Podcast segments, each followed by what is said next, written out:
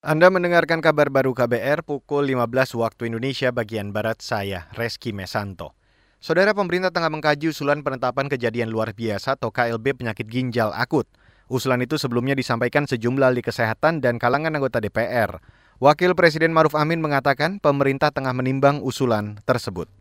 Kita kan ada aturannya ya, ada kriterianya. Saya kira usulan itu akan direspon oleh pemerintah dan sekarang sedang dikaji apakah bisa memenuhi syarat standar bahwa ini darurat KLB atau baru ini semacam kejadian biasa. Ini nanti tunggu saja. Ya, KLB akan mendengar setiap usulan dan akan mempertimbangkan kita biasanya kalau memang darurat kita akan bilang darurat. Wakil Presiden Maruf Amin menambahkan pemerintah sudah menyiapkan sejumlah langkah antisipasi dan pencegahan supaya penyakit ini tidak makin memakan banyak korban. Wapres juga memastikan pengobatan dan perawatan pasien penyakit ginjal akut ditanggung oleh pemerintah. Hingga 26 Oktober penyakit ginjal akut sudah menyerang 269 orang, dari jumlah itu 157 orang meninggal.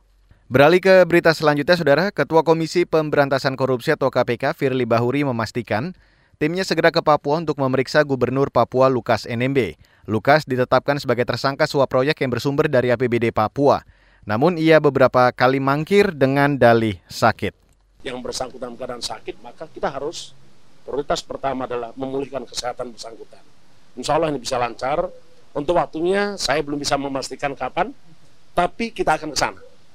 Uh, tim penyidik maupun tim ikatan dokter sudah, kita sudah bahas semua, Ketua KPK Firly Bahuri mengatakan Lukas NMB selalu menjadikan masalah kesehatan sebagai alasan mangkir dari panggilan penyidik. Kondisi ini menghambat pemeriksaan terhadap NMB.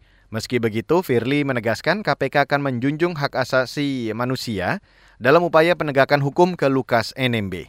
Saudara bus yang membawa rombongan jamaah umrah asal Indonesia mengalami kecelakaan tunggal di Makkah. Dua warga negara Indonesia atau WNI yang merupakan sopir dan pembimbing ibadah meninggal. Dikutip dari Antara, kecelakaan terjadi saat jamaah dalam perjalanan dari Jeddah ke Makkah, Selasa malam waktu Saudi. Bus membawa 50 jamaah umroh. Konsul Haji KJRI Jeddah Nasrullah mengatakan semua jamaah umroh selamat, ada lima orang yang mengalami luka. Sebanyak 49 jamaah dalam rombongan sudah melaksanakan ibadah umrah. Mereka akan tinggal di Saudi hingga 8 November mendatang. Dan saudara, demikian kabar baru saya Reski Mesanto.